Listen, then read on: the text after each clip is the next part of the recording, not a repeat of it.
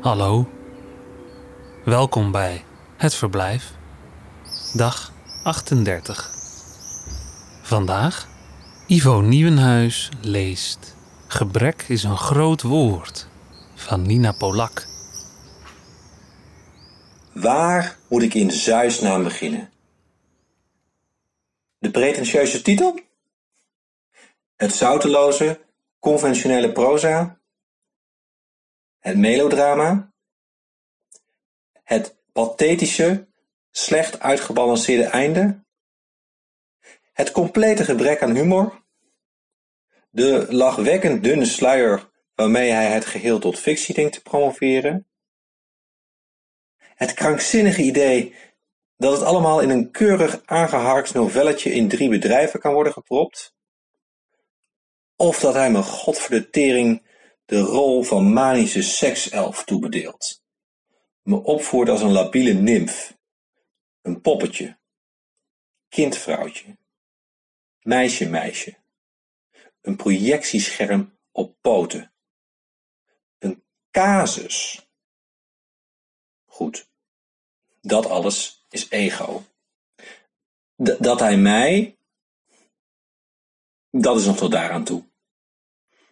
Maar Nelly, mijn moeder, een aap van ijzerdraad, een opgedroogde asociale socialist. Ik geloof dat ik moet kotsen. Op de vloer van mijn badkamertje scroll ik heen en weer door het armzalige documentje, me opvretend over adjectieven als indringend en opgekruld, waarmee monsieur l'auteur me heeft vastgepind als een papiertje dat dreigt weg te waaien. Een constant Constantinopel.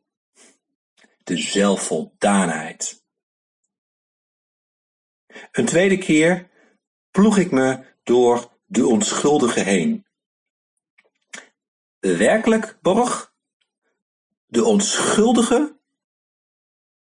Het ergste is misschien wel dat ik de tekst in wezen niet vervreemdend vind. Wat dit intellectualistische gezeven expliciteert, moet ik altijd al gevoeld hebben. De man kijkt op en neer en plaatst me tegelijkertijd op een voetstuk. Wat een trieste combinatie. Wat zou er eerst zijn? Het voetstuk of het neerkijken? Of hebben de twee elkaar nodig? Het is een kwestie van kip en ei. Een balans die heen en weer blijft schommelen. Sta stil. Adem in. Er hangt een reproductie van Gauguin aan de muur van het tuinhuis. Daar. Adem uit. Ik heb het ding niet eerder tot me laten doordringen en ga er dichtbij staan in een poging me erin te verliezen. Het zijn twee meisjes en een hond. De voorste van de twee kijkt me aan met achterdocht, spot en medelijden. Terwijl ik het half ontblote bovenlijf van de ander begluur, word ik me weer bewust van de boon, die zich wijselijk stilhoudt. Misschien wel bidt voor een goede afloop. Ik kan het niet laten me voor te stellen dat er iets omgaat in die onzalige celklomp. Projectie. Wat er in iets of iemand anders omgaat, de boon, die hond, dat karamelkleurige meisje, mijn overspelige geliefde, komt gefilterd tot je, door een prisma van argwaan of vertrouwen.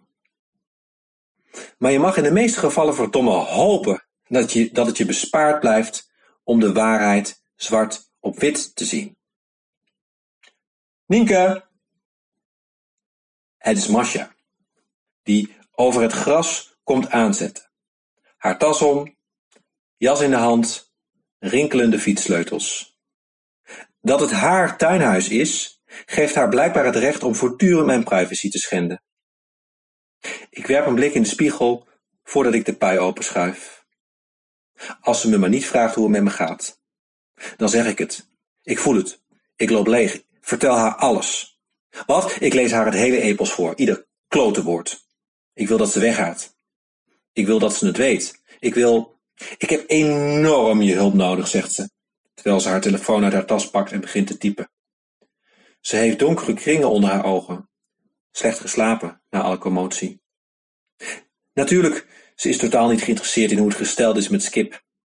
Ik hoef het haar niet te vertellen. Ze wil het nu niet weten. Dat is nu de kracht van een gezin. Er is altijd wel iemand om je van je eigen misère af te leiden. Juda is ziek, zucht ze, niet opkijkend van haar telefoon. En ik ben al een half uur te laat voor de repetitie. Samantha ontploft. Wat mankeert hem? Keelpijn, hoofdpijn, koorts, een gewone griep. Maar dat kind heeft geen enkele weerstand. Ze roept naar haar scherm. Ja, ja, ik kom eraan hoor, penetrante heks. Dan kijkt ze naar me op. Mag ik jou vragen, Nien, lief, om een oogje in het zeil te houden? Natuurlijk mag ze dat. Ze hoeft zich nergens zorgen over te maken. Nee, ga maar snel.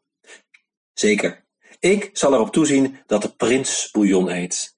Dat zijn voorhoofd gedept wordt en zijn kussen opgeschud. Geen ibuprofen. Begrepen. Teltje? Check. Ja, ik zal meteen bellen als... Ga nu maar. Ik ben een engel. Wel ja, net nog een nimf. Nu weer een engel. Het Verblijf is een initiatief van Mark van Oostendorp. Redactie: Johan Oosterman, Iris van Erven, Jaap de Jong en Lot Broos. Ik ben Michiel van de Weertof en wens je een aangenaam verblijf.